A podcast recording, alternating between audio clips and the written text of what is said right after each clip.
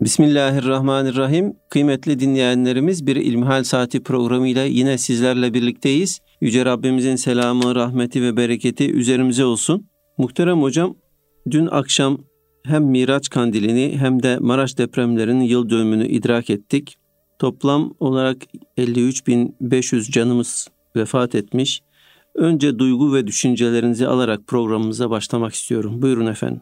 Elhamdülillahi Rabbil Alemin ve salatu ve selamu ala Resulina Muhammedin ve ala alihi ve sahbihi ecmain. Cenab-ı Allah'a nihayetsiz hamdü senalar olsun. Nefes alıp verme imkanını bize lütfediyor. O nefesleri de Cenab-ı Allah'ın rızası doğrultusunda kullanabilmeyi bizlere ve bütün ümmeti Muhammed'e nasip eylesin diye de dua ediyoruz. Tabi depremler ve benzeri afetler insanoğlu için büyük imtihanlar. Özellikle de geçen sene yaşadığımız ve dün de seneyi devriyesini idrak ettiğimiz Maraş merkezli depremler, yüzyılın depremi diye anılan bu deprem hem ülkemiz için hem bu bölgede bulunan diğer ülkeler için büyük bir ibret taşıyan hadise oldu. Elbette depremler birer tabii afet olmaları hasebiyle ne zaman meydana geleceklerini henüz insanoğlunun bilgisinin keşfedemediği hadiselerdir. Ama bir deprem olacağı hakikati hiçbir zaman göz ardı edilmemeli. Ne zaman biz bu hakikati göz ardı ediyoruz, Cenab-ı Allah bizleri ikaz ediyor. Hani bir söz vardır, deprem öldürmez. Çürük binalar, çürük planlamalar insanların ölümüne sebep olur. Nihayetinde bakıyorsunuz, aynı yerde iki binadan birisi ayakta kalmış, diğeri yerle bir olmuş. Anlıyorsunuz ki bu yerle bir olan binada bir takım hesap, ölçüm eksiklikleri var.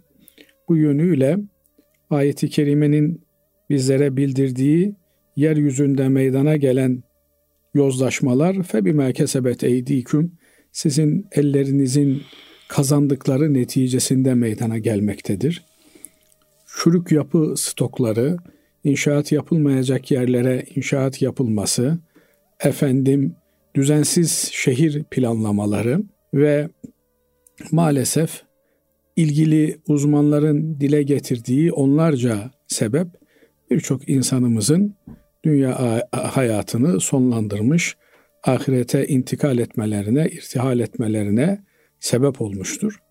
Fakat depremleri ve benzeri afetleri veya daha genel ifadesiyle ölümü Müslüman nasıl karşılamalı meselesi asıl belki üzerinde durulması gereken meseledir diye düşünüyorum. Ölüm Müslüman için bir yok oluş demek olmadığından elbette hayatta kalmak için elimizden gelen bütün gayreti göstermeli ve hayatta kalabilmemiz için gereken her şeyi yapmalıyız. Çünkü alıp verdiğimiz bu dünyada alıp verdiğimiz bir nefes bizim için ahirette büyük mükafatlar getirecek olan ibadetleri yapabilme imkanı bize bahşetmektedir. Bundan dolayı her nefesimiz bizim için kıymetlidir. Her nefeste yaptığımız kulluk Allah'a karşı olan vazifemizi hatırlamamız bizim için büyük bir ahiret kazancı olacaktır. Ama nefesimizin son bulması ile bu dünya hayatının ölüm denilen hakikatle kapanması ile aslında gerçek hayat bizim için başlıyor demektir. Bu yönüyle de biz 53 bin üzerindeki vatandaşımızın şehit olduğuna inanıyoruz. Çünkü Efendimiz Aleyhisselatü Vesselam enkaz altında yıkılan binaların altında kalarak ölenlerin şehit olduğunu ifade ediyor bizlere. Bu itibarla enkaz altında kalan, ezilerek hayatını kaybeden, acı çekerek ahirete irtihal eden bu kardeşlerimizin şehadet mertebesiyle ahirete irtihal ettiklerini, bu dünyadan göçtüklerini düşünüyoruz, öyle inanıyoruz. Elbette şehitlik mertebesi için olmazsa olmaz şart Allah'a inancının Hz. Peygamber aleyhissalatü vesselam Efendimiz'e itikadının olması lazım gelir. Yani Müslüman olması lazım gelir. Müslüman olan insanların başına gelen bu tür musibetler onların şehit olarak gitmelerine ve doğrudan doğruya hesapsız kitapsız cennete ulaşmalarına birer vesiledir, birer sebeptir diye düşünüyorum. Özellikle de o günlerde hatırlayacaksınız bazı enkaz altında kalmış olan vatandaşlarımızın videoları ortada dolaşıyordu. Onlardan bir tanesini hiç unutamıyorum. Diyordu ki kardeşimiz işte şuna borcum var, buna borcum var. Allah'ım bütün günahlarımdan tövbe ederek gidiyorum, sana geliyorum ya Rabbi diye.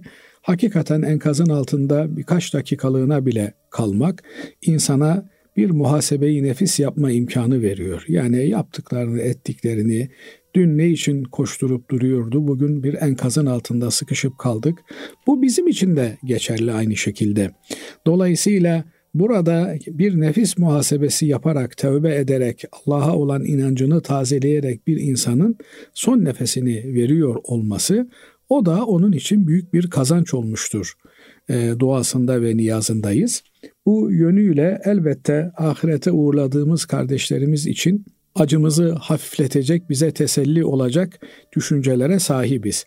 Ama belki bir o kadar da üzerinde durulması gereken şey bu çürük binaların, yanlış yerleşimlerin sorumluluklarını sorumluları kimse onları bulmak ve onlara bir daha bu işleri hem kendilerinin hem de başkalarının yapmasına mani olacak cezaları verme meselesidir.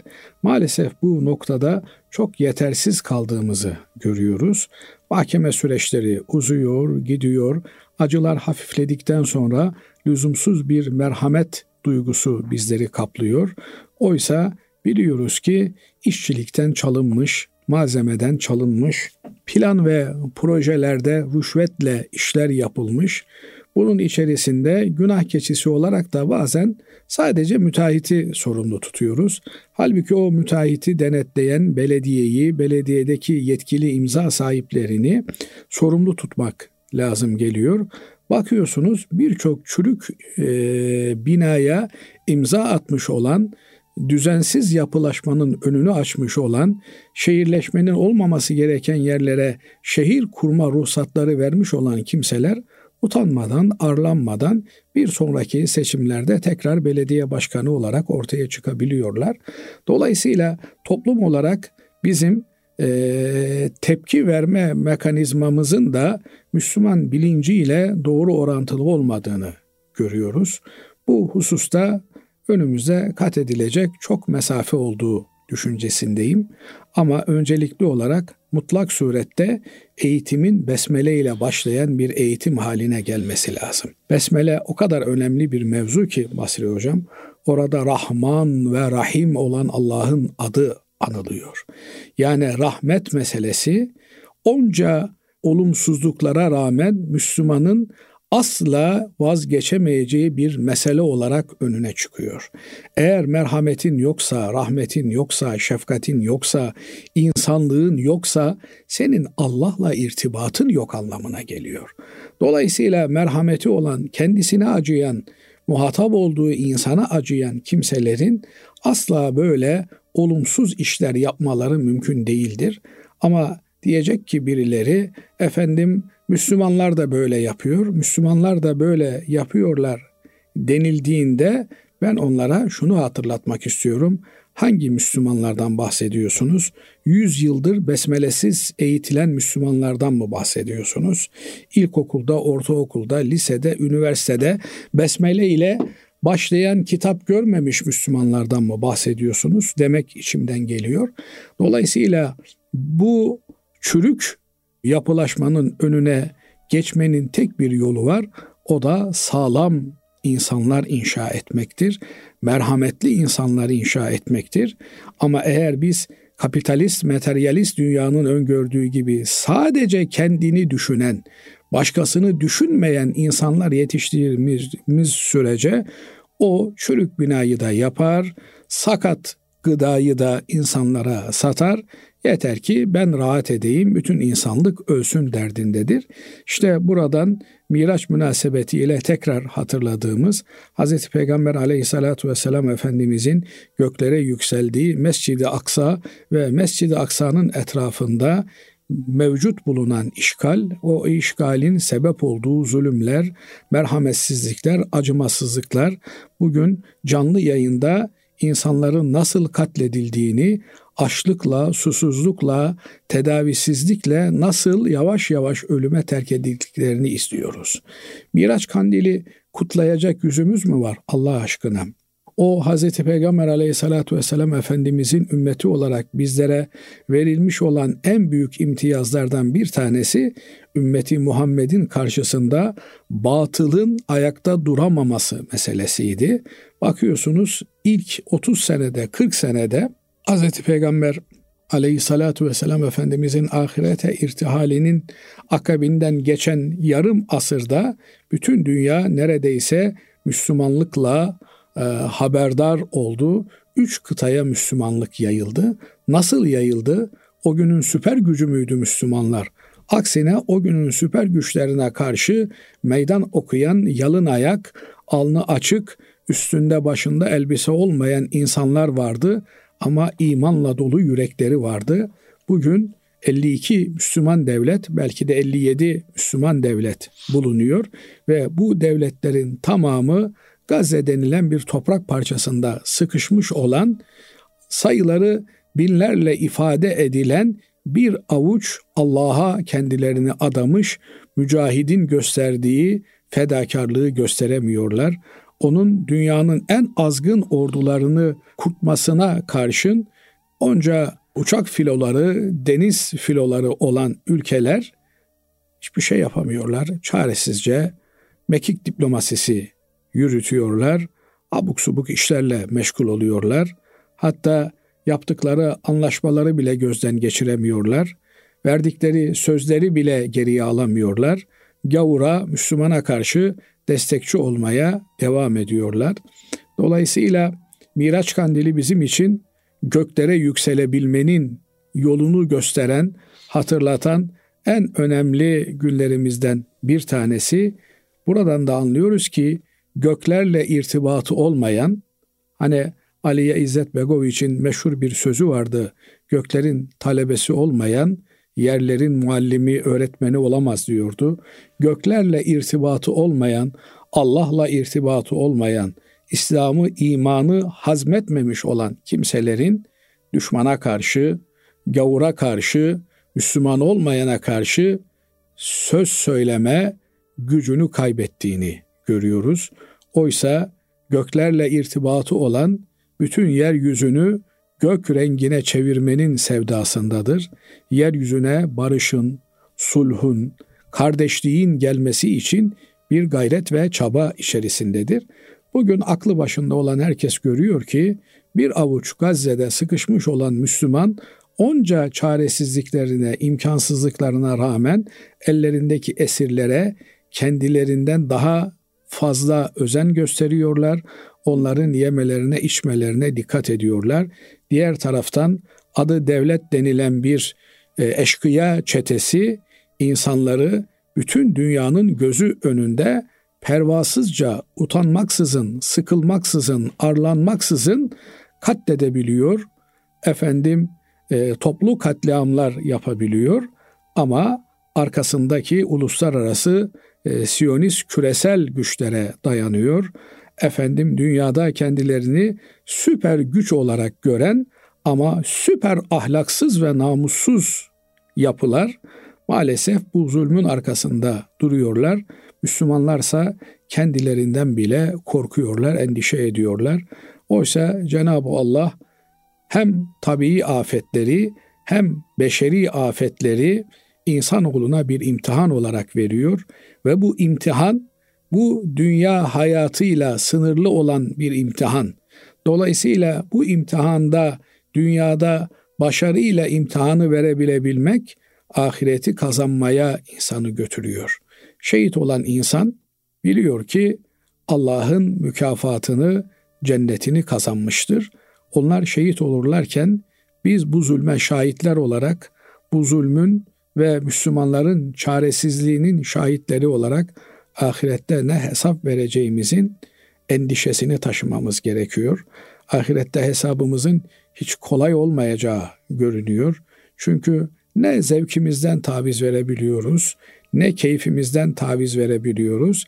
Hatta öyle bir aşamaya, öyle bir döneme geldik ki artık aylar oldu, dört ayı geçti. Artık bu konuyu gündem yapmaktan bile çekinmeye başladık.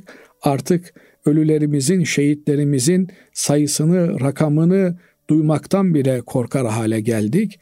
Artık gözlerimiz bu manzaraları müşahede etmekten sıkıldı ve görmemezlikten geliyoruz. Oysa biz görmemezlikten geliyoruz diye zulüm durmuyor. İnsanlık onuru, insanlık şerefi yükselmiyor. Günden güne daha ayaklar altına alınıyor. Daha fazla yeryüzünü insanca yaşanabilecek bir ortam olmaktan çıkaran eylemler söz konusu. Zannediyoruz ki biz Müslümanlar olarak buradaki Müslümanlar ölürler, buradaki Müslümanlar toplu katliama maruz kalırlar, Gazze denilen bölge yerle bir olur, onlar giderler tarihten silinirler de biz rahat yaşarız. Asla böyle bir şey söz konusu değil. Oradaki direniş bittiğinde o zalim, o vahşi, o canavar, o vampir kan içmeye doymayan yaratık ne üdüğü belirsiz iblisin soyu başka Müslümanlara saldırmaya devam edecek. En yakınındaki Müslümanları hedef almaya devam edecek. Dün bana dokunmayan yılan bin yaşasın diye karşısındaki zalime zalim diyemeyen, onun zulmettiği, öldürdüğü Müslüman kardeşinin yanında duramayan bizlerin üzerine bu zulüm yavaş yavaş gelecek. Dünya önümüzdeki dönemde ya mertçe, erkekçe, Müslümanca gavura karşı savaşan ya da onun karşısında yok olup giden halkları tarih yazacak. Duamız, niyazımız Cenab-ı Allah bir an önce bizleri intibaha getirsin, uyanışa getirsin. Nasıl davranacağımızı, nasıl hareket etmemiz gerektiğini bizlere ve yöneticilerimize ilham eylesin. Yoksa çıkıp nutuklar atmak, sabrımız taşıyor ha, sabrımız taşıyor ha, sabrımızı taşırmayın diye naralar atmak olayı çözmüyor. Eğer bir boykot meselesi elimizde kaldıysa sadece o zaman sadece bu boykot mallarını temizlik ürünlerinde, efendim gıda maddelerinde, bir takım içeceklerde bunlarla sınırlı tutmayalım. Küfrün bütün nizamını boykot edelim. Küfrün eğitim sistemini boykot edelim. Böyle merhametsiz böyle acımasız, böyle eşkıya yetiştiren bir eğitim sisteminin bize bir yarar getirmeyeceğini, bir kar getirmeyeceğini bilelim. Evet biz de aynı zulmü yaşadık. Çanakkale'de yaşadık. Ondan sonra İstiklal Savaşı'nda yaşadık. Yunan'ın bize yaptığı, Rum'un bize yaptığı, Ermeni'nin bize yaptığı bugün işgal devletinin Gazze'de ve Filistin'deki kardeşlerimize yaptıklarından daha aşağı şeyler değildi. Diri diri insanların yakılması, gözlerinin kulaklarının kesilmesi, hamile kadınların karınlarının yar, yarılması bu vahşetleri biz bir yüzyıl önce bu topraklarda yaşadık ama çabuk unuttuk. Bizlere o vahşeti yaşatanların, o zulmü bizlere reva görenlerin, şehitlerimizin gözlerini çıkaranların, burunlarını kesenlerin, kulaklarını kesenlerin, o adi acımasız varlıkların daha sonra döndük, kültürlerini aldık, elbiselerini aldık, giyim kuşamlarını aldık ve bize zulmü reva görenlerle biz aynileşme yoluna gittik. Zannettik ki biz onlar gibi olursak onlar bize zulmetmeyi bırakırlar. Geçen bir yerde bir konferans veriyordum Basri Hocam. Çok uzattım sözü. Çok Estağfurullah hocam. Özür diliyorum. Bir kardeşimiz Gazze'yi anlatırken dedi ki niye hiç Şerif Hüseyin'den bahsetmiyorsunuz? Yani sözüm ona Araplar da Şerif Hüseyin gibi bize ihanet ettiler. Peki dedim kardeşim Şerif Hüseyin kimin adamıydı? İngilizlerin adamıydı dedi. O zaman dedim bırak Şerif Hüseyin'i İngilizleri konuşalım. Sömürgeci Batı emperyalizmini konuşalım. Yoksa kuklaları konuşmanın bir alemi yok. Eğer biz bu uluslararası çetenin, uluslararası zulüm örgütünün, Siyonist e, küreselcilerin oyunlarını konuşamazsak bugün bu zulüm Gazze'dedir. Ondan önce Myanmar'daydı. Hala Myanmar'da devam ediyor. Doğu Türkistan'da devam ediyor. Suriye'de devam ediyor. Filipinler'de devam ediyor. Dünyanın birçok yerinde devam ediyor. Çünkü biliyor ki bu zalim küresel Siyonist çete onun karşısına durabilecek tek güç Müslümanlıktır. Onun için Müslümanlığı, Müslümanlığın kahraman evlatlarını kendi içinde boş işlerle meşgul etmeye uğraşıyor. Rabbim birliğimizi, dirliğimizi muhafaza eylesin. Uyanışımıza vesile olacak hayırlı reçeteler bizlere lütfeylesin. Birbirimizi sevelim ve bütün ayrılıklarımıza rağmen birbirimizi kucaklayarak bizi toptan imha etmek isteyen küresel siyonizm çetelerine karşı birlik ve dirlik içerisinde olalım. O zaman bu hatıraların bir anlamı olur. O zaman feda edebilecek tek bir insanımızın dahi olmadığının şuuruna varırız ve bizi savaşla da, depremle de, selle de yok etmeyen çetelere karşı toptan mücadele etme azmi bizde canlanmış olur. Allah razı olsun kıymetli hocam. İnşallah Rabbimiz bizi intibaha getirir. Daha da aklı selimle hareket etme imkanı bizlere bahşeyler. Kıymetli dinleyenlerimiz şimdi kısa bir ara veriyoruz. Aradan sonra sizlerden gelen sorularla devam edeceğiz. Kıymetli dinleyenlerimiz İlmihal Saati programımıza kaldığımız yerden devam ediyoruz. Muhterem hocam dinleyicimiz bize şöyle yazmış. Üç ayları tamamen oruçlu geçirmek dinen uygun mudur? Şimdi Efendimiz Aleyhisselatü Vesselam e, Recep ayı geldiğinde şöyle dua eder diye bize rivayetler bildiriyor. Allahümme barik lena fi Recebe ve Şaban ve bellighna Ramazan. Ya Rabbi Recep'i ve Şaban'ı bize mübarek kıl, bizleri Ramazan-ı Şerif'e kavuştur. Bu duanın içerisinde üç ay geçiyor. Recep, Şaban ve Ramazan ayı geçiyor. Bazen böyle ileri geri konuşanlar oluyor. Yani üç aylar diye bir kavram yok. Evet, Efendimiz Aleyhisselatü Vesselam bu duasında üç ayları peş peşe zikrediyor. Bunlardan Recep ile Şaban, Ramazan-ı Şerif'ten önce gelen iki ay, adeta bu hadisi şerifin bizlere bildirmek istediği anlam, Recep ve Şaban'da Ramazan-ı Şerif'e hazırlık yapın. Ramazan-ı Şerif'e hazırlıksız girmeyin. Bundan dolayı Ramazan-ı Şerif'te yapacağımız ibadetlerin ön hazırlıklarını, antrenmanlarını Recep ile Şaban ayında yapmamız lazım. Bunların başında da Ramazan-ı Şerif'e kavuşma heyecanı geliyor. Nitekim sahabe-i kiram efendilerimizden yanlış hatırlamıyorsam aktarılan rivayetlere göre Ramazan-ı Şerif biter bitmez bir diğer Ramazan-ı Şerif'in yani bir süre sonra gelecek olan Ramazan-ı Şerif'in heyecanı onları sarmaya başlarmış. Bu yönüyle Ramazan-ı Şerif bizler için büyük bir fırsat. Ona hazırlıklı girebilmemiz için Recep ve Şaban ayları bizlere birer e, hazırlık fırsatı veren aylar olmaları hasebiyle değerlidirler. Kaldı ki Recep zaten e, dört haram olan aydan bir tanesidir. Şaban ayı da Hz. Peygamber aleyhissalatü vesselam Efendimizin hadisleriyle fazileti ortaya konulmuş olan bir aydır.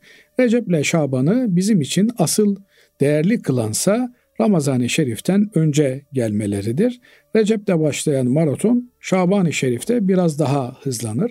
Efendimiz Aleyhisselatü Vesselam'ın en fazla nafile orucu Şaban ayında tuttuğu, Şaban ayında cömertliğini artırdığı, Şaban ayında hızına hız kattığı ve Ramazan'da da zirveye geldiği yine hadis-i şeriflerin ruhundan anladığımız anlamdır. Buradan hareketle bizim Recep ve Şaban aylarında Ramazan ayında oruç tutacağımız için oruç tutma eğilimini, hareketini hızlandırmamız gerekiyor. Normal zamanlarda sadece pazartesi, perşembe veya e, eyyam-ı bid denilen her kameri ayın ortasındaki üç günü efendim 12, 13, 14'ü oruçla geçirme ile e, iktifa eden Müslümanlar bu aylarda orucu daha da artırırlar.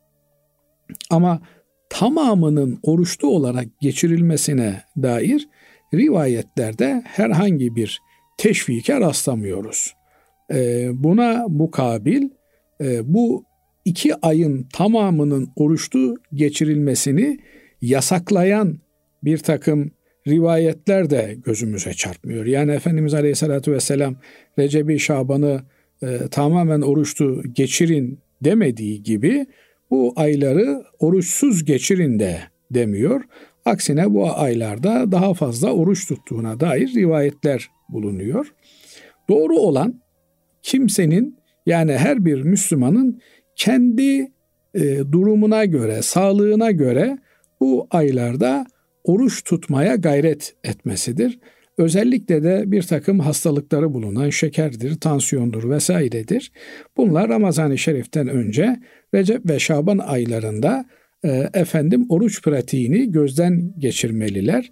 Efendim tutabiliyor mu, tutamıyor mu? Tutamadığı zaman arada bozma imkanı olduğu için Recep'te, Şaban'da bu antrenmanlara başlamaları, kendilerini bir tartmaları, doktor kontrolünde, nezaretinde orucu tekrar gündemlerine almaları lazım gelir.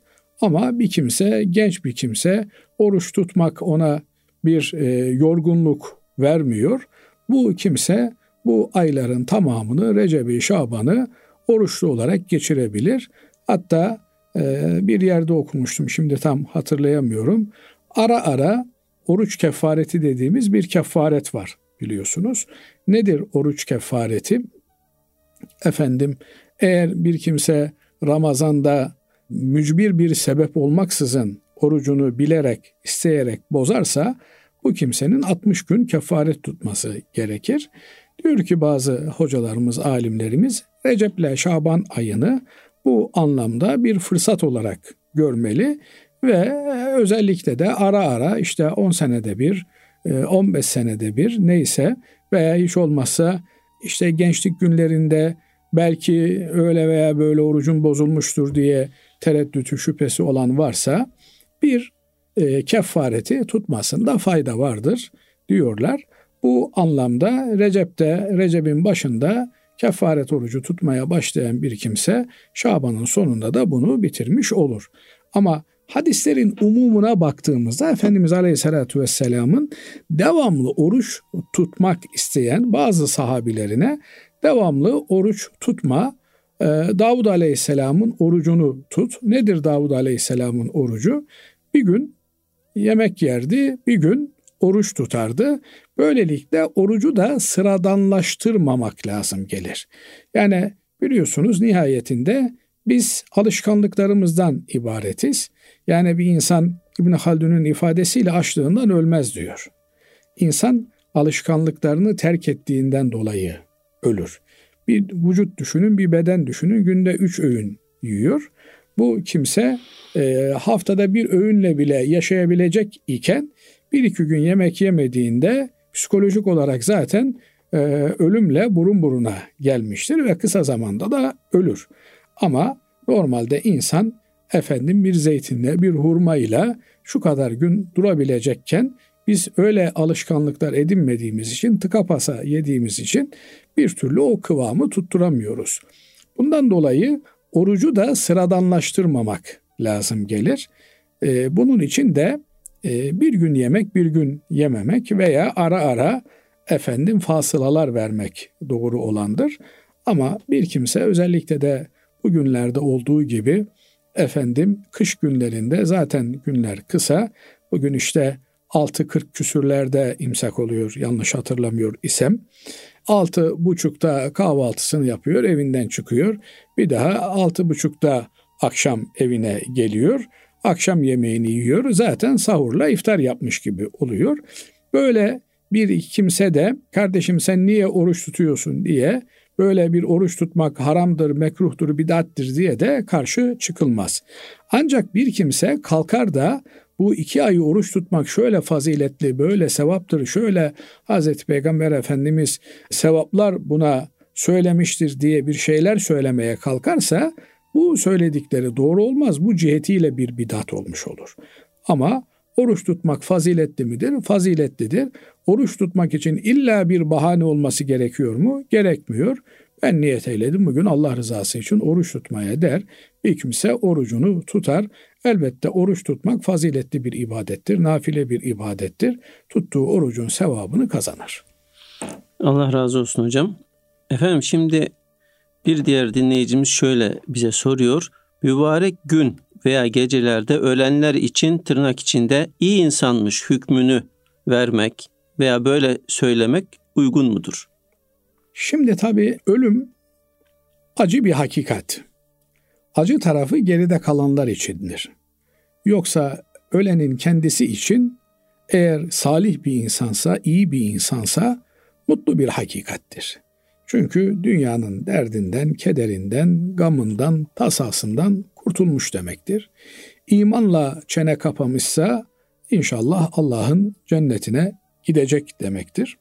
Fakat geride kalanlar bir ayrılık tadacakları için efendim alıştıkları, sevdikleri birini kaybedecekleri için onlara acı bir durum ortaya çıkmış olabilir. Her halükarda geride kalanlara bir taziye yapıyoruz. Onları teselli etmek için onlara başınız sağ olsun diyoruz. Allah size hayırlı ömürler versin diyoruz. Allah ölmüş olan kardeşimizin taksiratını affetsin, makamını âli eylesin, mekanını cennet eylesin diye duada ve niyazda bulunuyoruz.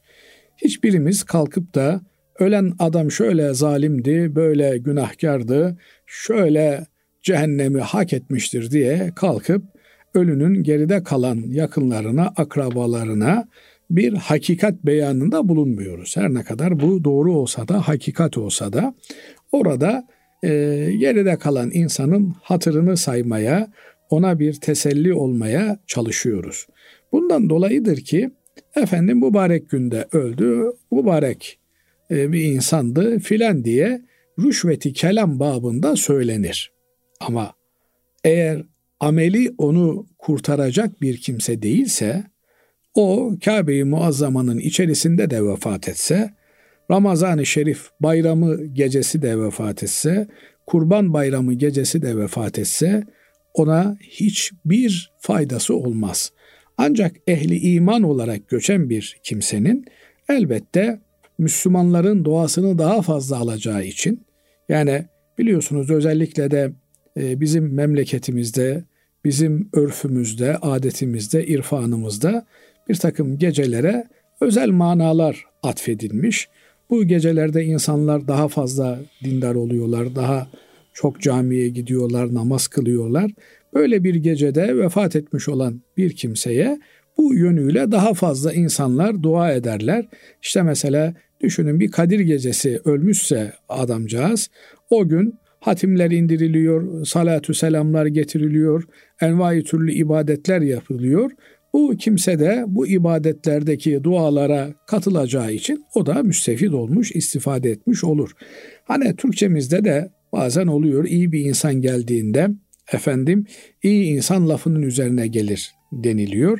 Ama eğer sevmediğimiz kötü bir insan gelmişse o zaman tam zıt bir atasözüyle bunu anlamlandırmaya çalışıyoruz. Dolayısıyla eğer ölen kimse iyi kimse ise iyi bir günde ölmüş demektir. Eğer kötü bir kimse ise günün iyi olmasının, zamanın iyi olmasının, mekanın iyi olmasının ona bir faydası yok. Önemli olan biz dünya hayatında iyilik biriktirebiliyor muyuz? Güzellik biriktirebiliyor muyuz? Allah'ın hoşnut olacağı, rızasının olduğu işlerle meşgul olabiliyor muyuz? Eğer Allah'ın memnun olacağı işlerle meşgul oluyor isek şüphesiz her ne şekilde gelirse gelsin ölüm o bir hayır müjdecisi olarak gelecektir. İnşallah sahibine de berden ve selamen olacaktır. Yani esenlik ve hayırlar getirecektir. Değerli hocam, e, diğer bir soru şöyle. Allahü Teala Kur'an-ı Kerim'i Arapça olarak indirmekle diğer milletlere haksızlık etmemiş midir? Ya da din içinde en azından Arapları kayırmamış mıdır diye soruluyor. Şimdi bunu soran kardeşimiz tabi eli ayağı yerinde, gözü kulağı yerinde bir kardeşimiz. Allah el vermiş, kalemle yazıp bu soruyu soruyor. Dil vermiş, diliyle bu soruyu soruyor. Oysa Cenab-ı Allah'ın el nimetini aldıkları var, dil nimetini aldıkları var, göz nimetini aldıkları var, sakat olarak dünyaya gelenler var. O zaman aynı soruyu bu sakatlar da bu sağlam olan kardeşimize sorarlar. Bak sana Allah göz vermiş, kulak vermiş, el vermiş, ağız vermiş. İstediğin gibi konuşuyorsun ama biz bu nimetlere sahip değiliz. Seni şimdi Allah avantajlı kılmadı mı? der. Ne diyer diyebilir bu kardeşimiz ona? Bak der, bana Allah bunca nimeti vermiş, fizyolojik olarak beni tas tamam yaratmış ama zihnimde hala böyle abuk subuk sorular var. Dolayısıyla senin elin yok, kulağın yok, gözün yok belki ama Allah'a olan imanın sağlam. Binaenaleyh Allah ne imkan vermişse, ne nimet vermişse onunla kulunu hesaba çekiyor. Şimdi Hazreti Peygamber aleyhissalatü vesselamın hanımlarına Kur'an-ı Kerim hitap ediyor. Diyor ki sizden biriniz diyor diğerleri gibi değilsiniz diyor. Yani siz eğer bir günah işleyecek olursanız size verilecek olan ceza normal birine verilecek olan cezanın kat be katı olur diyor. Binaenaleyh Allah kuluna ne nimet vermişse onun ile hesaba çekilecek demektir. Eğer Arapça iniyor olması Kur'an-ı Kerim'in Arap toplumuna iniyor olması onlar için bir avantaj olacak olsaydı Ebu Leheb'in, Ebu Cehil'in iman etmiş olması lazım gelirdi. Hz. Peygamber aleyhissalatu vesselam Efendimiz'i kayıran, efendim koruyan, onu savunan amcasının iman etmiş olması lazım gelirdi. Oysa görüyoruz ki Hz. Peygamber aleyhissalatu vesselam Efendimizin Kureyş'ten geliyor olması, Haşim oğullarından geliyor olması bile Haşim oğullarına bir avantaj sağlamamış. Gavur olan gavurluğunu yapmaya devam etmiş. Ama elbette kendi yakınında hakkın ortaya çıkmasını kabullenemeyen bir kimsenin uğrayacağı ceza uzaktakine göre aynı olmayacaktır. Binaenaleyh Arapların dini bilme ve yaşama imkanları kadar onların dini bilme ve yaşamadaki kusurları onların hesaba çekilmelerine sebebiyet verecektir. İşte tarihe baktığımızda öyle olmadığını da görüyoruz. Evet, Hz. Peygamber aleyhissalatü vesselam Efendimiz Arap Yarımadası'nda dünyaya gelmiş. İlk Müslümanlar Araplardan ağırlıklı olarak olmuş ama aradan 30-40 sene geçtikten sonra bir bakıyoruz ki İslam dünyasında ilim hareketlerini Arap olmayan unsurlar yürütmüşler.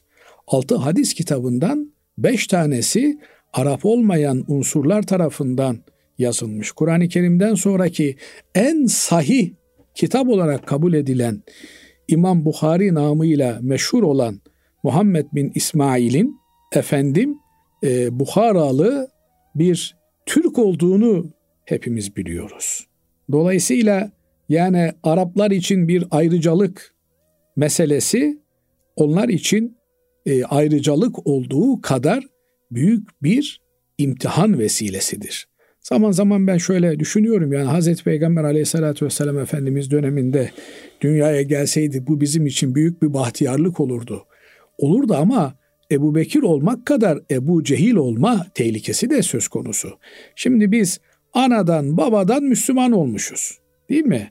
Şimdi ben biri bana kalkıp da namazı anlattı bilmiyorum. Ben namazı öğrendiğim e, zamanlar idrakimin yerinde olmadığı zamanlar. Elbette e, Kur'an kurslarına anamız babamız gönderdi. Yazları camilere gittik, kurslara, Sıbyan mekteplerine gittik. Ama ben anamdan babamdan gördüm. Anamın babamın Kur'an okuduğunu gördüm. Ben öyle Kur'an okumaya başladım. Onlar da analarından babalarından gördü. Onlar da analarından babalarından gördü. Bir de bakıyorsunuz işte Fransa'da doğmuş olan biri hep İslam'ın aleyhine konuşulmuş bir ortamda doğmuş olan biri e bu demez mi yarın öbür gün kardeşim sen Araplardan bahsediyorsun ama bin yıldır siz Türkler Müslümansınız. Atadan babadan dededen bunu gördünüz. Sizinle ben aynı mıyım demez mi? Der. Elbette onun imtihanı geçmesiyle bizim imtihanı geçmemiz aynı sualler üzerinden olmayacak.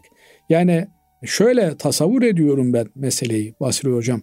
Bir kimse Müslüman bir ortamda doğmuş olan, büyümüş olan bir kimseye kılı kırk yararcasına hesap sorulacakken gayrimüslim ortamlarda doğmuş yaşamış olan bir kimse Müslümanlık haktır diye inanmışsa o bu inancıyla kurtulacak demektir. Binaenaleyh Allah kime neyi vermişse ondan hesaba soracak. Şimdi üniversitede hocalık yapıyoruz. Sözüm ona. Dönem içerisinde nereye kadar okumuş anlatmışsak onun imtihanını yapıyoruz. Kazara eğer anlatılan konuşulan yerlerin dışından bir soru çıkmışsa itiraz ediyor talebe arkadaşlar. Hocam diyor biz o konuyu işlemedik diyor. Demek ki herkes işlediği konulardan hesaba çekiliyor, imtihana tabi tutuluyor. Bu yönüyle e, Cenab-ı Allah kimseye zulmetmiyor. Herkese e, bildiğiyle, bilme bilebileceğiyle muamele edilecek. Ama sen bir Türk olarak doğmuşsun. İslam'ın bin yıldır efendim e, hükümdarlığını yapmışsın, yeryüzüne İslam'ı yaymış bir milletin çocuğu olarak şimdi kalkmış ben bunu kabul etmiyorum bu Araplara geldi. Kardeşim Arapçadan çok Türkçe İslam'la ilgili yazılı eser var, kaynak var. Neyi bilmek istiyordun da bilemedin diye sorarlar adama. Böyle züğür tesellileriyle şeytanın değirmenine su taşımayalım. Allah'a kul olmanın yollarına bakalım. Allah razı olsun kıymetli hocam. Değerli dinleyenlerimiz bugünkü İlmihal Saati programımızın sonuna ermiş bulunuyoruz. Efendim hepinizi Allah'a emanet ediyoruz. Hoşçakalın.